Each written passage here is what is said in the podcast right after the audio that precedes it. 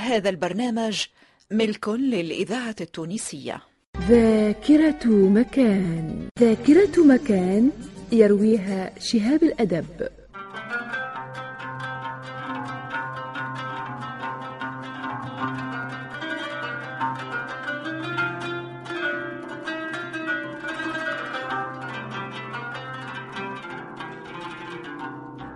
إن كان للمكان ذاكرة فإن قفص مكان حافلة ذاكرته بالأحداث والحضارات المتعاقبة عليه وما خلفته من آثار متنوعة مختلفة انطلاقا من العصر الحجري القديم الأسفل إلى العصر الحجري القديم الأوسط مرورا بالعصر الحجري القديم الأعلى ثم العصر الحجري الجديد إلى عصر ما قبل التاريخ ثم العهد البونيقي فالعهد الروماني فالعهد الوندالي والعهد البيزنطي ثم بعده العهد العربي الإسلامي.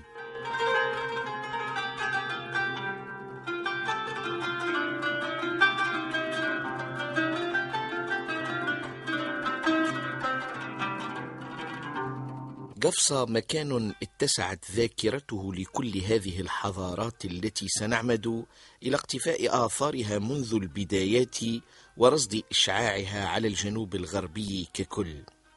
إن قفصة دون مبالغة يحق لها حسب ما اكتشف من بقايا آثار إنسانها القديم وورود ذكرها كمحطة للتجمع الإنساني الأول في الكثير من المصادر والمراجع الأثرية والتاريخية أن تفتخر بتواجد الإنسان في ربوعها منذ زمن بعيد وبعيد جدا.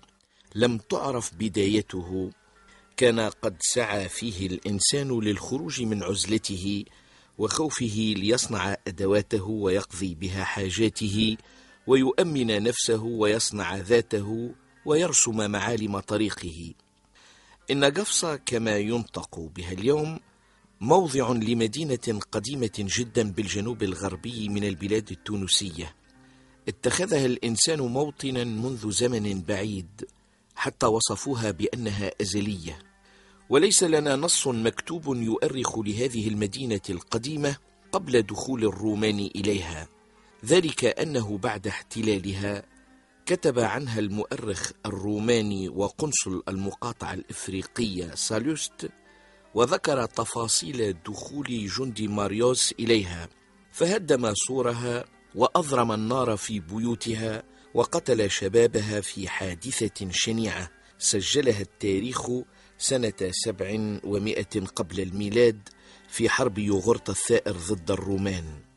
إلا أن الكثير من علماء الآثار والتاريخ المحدثين منهم والقدامى قد عنوا بهذا الموضع وبحثوا طويلا في أصوله وجذوره البعيدة واتضح لهم أن موقع قفصة قديم قدم الزمن وعرف عصورا وأطوارا مختلفة منذ أن كان الإنسان نادر الوجود.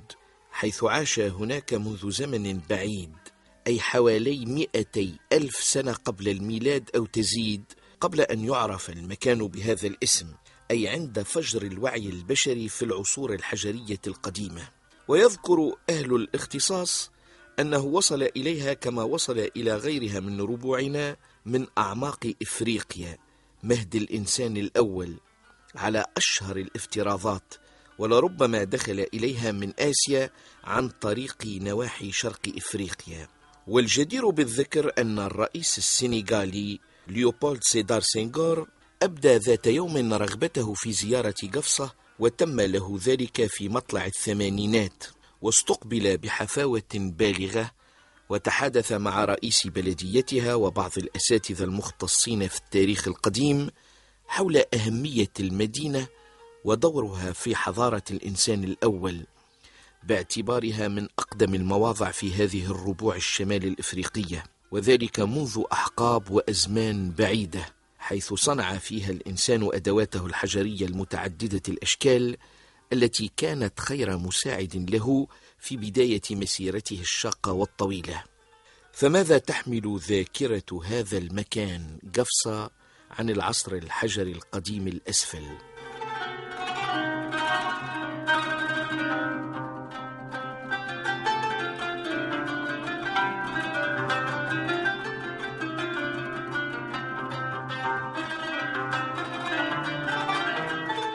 لقد كان العالم الإيطالي بلوتشي أسبق الجماعات العلمية في البحث والتنقيب فنشر دراسة بعنوان العصور الحجرية بتونس. وذلك في مجلة الجمعية الجغرافية الإيطالية بروما. وقد ذكرت السيدة منيرة الحرب الرياحي في محاضرتها في ملتقى ابن منظور بقفصة سنة 71 و900 وألف وهي المختصة في آثار ما قبل التاريخ أن هذا العالم الإيطالي كان كتب عن العصور الحجرية في موضع قفصة في مجلة إيطاليا سنة 47 وثمانمائة وألف. وهي أولى الكتابات الأثرية عن بلادنا في تلك الأزمنة الغابرة. بعد أن زار ذلك الموضع في منتصف القرن التاسع عشر وطاف بتلك النواحي الجنوبية الشرقية منها والغربية وقام بتنقيبات ميدانية قبل انتصاب الحماية الفرنسية بتونس. وفي بداية الحملة العسكرية الفرنسية لاحتلال تونس تحول رؤساء البعثات العلمية المصاحبة للجيش الفرنسي إلى هواة للآثار القديمة. تلك الآثار المنتشرة في ربوع البلاد شمالا وجنوبا حتى أطراف الصحراء. ونذكر منهم خاصة رابوردين صاحب النشرة الصادرة بعنوان العصور الحجرية في الصحراء الوسطى وكوليون وهو الذي اكتشف بين سنة 1883 و 1886 محطات قفصة لما قبل التاريخ. ونشر دراسة عام 87 و 800 وألف هناك حول قفصة. اكتشف هذا الباحث المركز الأول في الشمال الغربي قريبا من بساتين المدينة وواحاتها وكان ذلك المركز على مستويات عديدة منها النموذج الأشولي.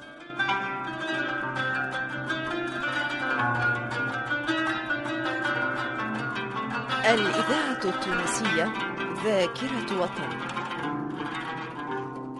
وقد تمكن كذلك من اكتشاف آثار أرجعها إلى ما قبل الأشولي وتعرف بالصناعة الشيلية نسبة إلى موضع بفرنسا يعرف باسم شال أما في ربوعنا فقد تمثلت في مزارف ونصال ومصنوعات أخرى كثيرة كالفؤوس الحجرية أو المناصب الحجرية من الكلس. وتعرف باسم أدوات شيلية من النوع اللب الحجري. وبالمقارنة مع ما اكتشفه رابوردين في سفوح جابس وبلاد الصحراء الوسطى وما وجده كوليون في قفصة يمكن افتراض تواجد الإنسان وحضوره ببلادنا في الربوع الجنوبية فيما قبل العصر الأشولي بقليل أو كثير. أي أن الإنسان تسرب إليها من أعماق إفريقيا وربما نزح إلينا أول الأمر من آسيا أو أن إفريقيا كانت مهده الأصلي كما أراد ذلك ليوبولد سيدار سنغور. إن الدكتور كوليون لما اكتشف أدوات حجرية بقفصة أرجعها إلى العهد الأشولي وسماها محطات قفصة. ثم جاء بعده الدكتور كوليو وعرف تلك المحطات بأسمائها المعروفة عند أهل البلد وهي المركز الأول. في هضبة الميدة والمركز الثاني في سيدي منصور والمركز الثالث في لالة وتحديدا في عين السلطان. وقد تعاقبت الدراسات والتنقيبات لرجال مختصين شهيرين أمثال بودي وكابيتون والدكتور جوبير وفوفراي خاصة اللذين اكتشف هذه الأدوات الحجرية فيما يسمى رجوبة الحلو. وأيضا عين السلطان بلالة في ضواحي المدينة. مما أثبت أن الجهة الجنوبية لقفصة كانت في العصور الحجرية أكثر كثافة سكانية من الجهات التونسية الأخرى. ذلك أنه في جنوب صفاقس بعد نواحي محرس وفي خط يتجه نحو الغرب في اتجاه قفصة والحدود الغربية التونسية الجزائرية تتولى محطات الإنسان القديم التي يرجع تاريخها إلى البيوليتيك الأسفل وما بعده. كما أن ميدينا يذكر في مقال له بالمجلة التونسية محطات أخرى للإنسان الأول تمتد من ورغلة إلى جبل نفوسة بالأراضي الليبية. وتزيد الوثائق البالغة الأهمية التي يعثر عليها أهل الاختصاص من رجالات المعهد الوطني للآثار وأساتذة كلية العلوم الإنسانية أثناء القيام بالدراسات والبحوث المختلفة. تزيد تأكيدا كل مرة على قدم سكان هذه الربوع جنوبا أو شمالا.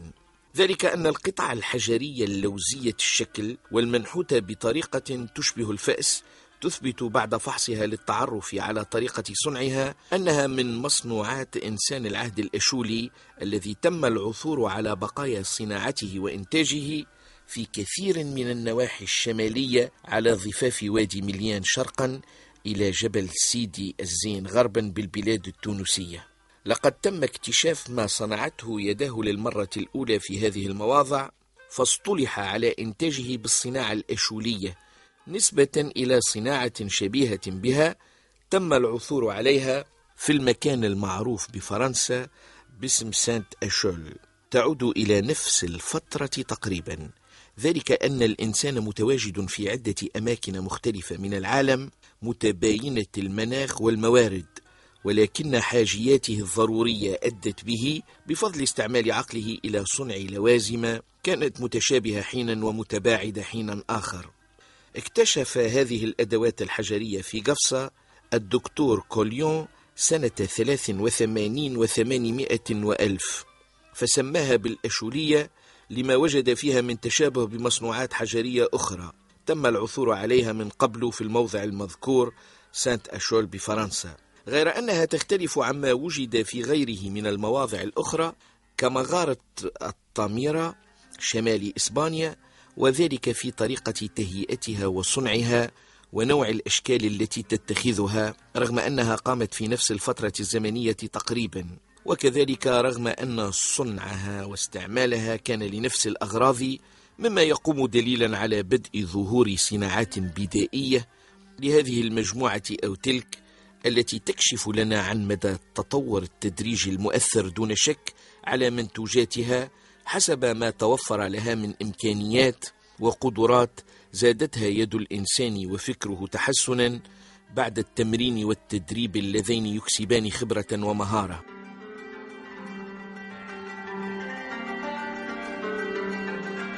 الإذاعة التونسية الذاكرة الحية. وهكذا تبدو علامات الطريق واضحة وعلى مراحل في حياة الإنسان من يوم أن كان نادر الوجود إلى اليوم الذي طاقت فيه نفسه للاستطلاع واستكشاف ما حوله حتى أصبح إشرافه على العالم وسيطرته على محيطه في تزايد مستمر متواصل بارتقاء عقله واستخدام فكره. لقد استعمل الحجارة للدفاع عن نفسه وللتمكن من صيد قوته وزادت سيطرته على النار واستخدامها لفائدته في كل بقعة تواجد فيها من تحسين محيط حياته وجهازه المعاشي وتجمعه مع بعضه بعضا. وفهم الإنسان أنه يمكن الاستفادة من قدح الصوان بعضه ببعض ليحصل على نار موقدة تقيه شر البرد والحيوانات المهاجمة وتساعده على طردها وإخراجها من المغاور والكهوف ليحل محلها.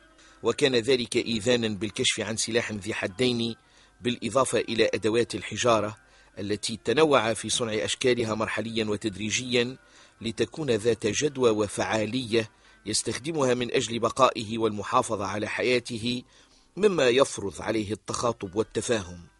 وهكذا نشأت اللغة منذ أن نطق والعلم منذ أن فكر والصناعة منذ أن طبق. وكانت اللغة مثل مصنوعاته تختلف من جماعة إلى أخرى فمن القطع الحجرية المستديرة والمسطحة عمت حجارة ذات وجهين وانتشرت في ربوع هذا الشمال كله والحجر ذي الثلاث صفحات والفؤوس القاطعة وتنتشر هذه الأدوات المتنوعة في محطات بقفصة اصطلح عليها باسم postes de قفصة مصحوبة ببقايا عظام حيوانات صادها بسلاحه مثل الكركدن والنمور والفهود مما يؤكد أن مناخ البلاد ليس كما هو عليه اليوم.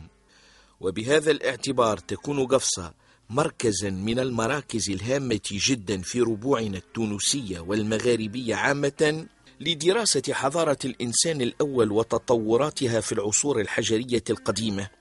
التي تمتد إلى مئات الآلاف من السنين كان العصر الحجري القديم الأدنى أي المبكر بدايتها. ثم يأتي العصر الحجري القديم الأوسط وهو ما سنسيح في ذاكرة قفصة للتعرف عليه في الحصة القادمة بحول الله. ذاكرة مكان. ذاكرة مكان يرويها شهاب الأدب.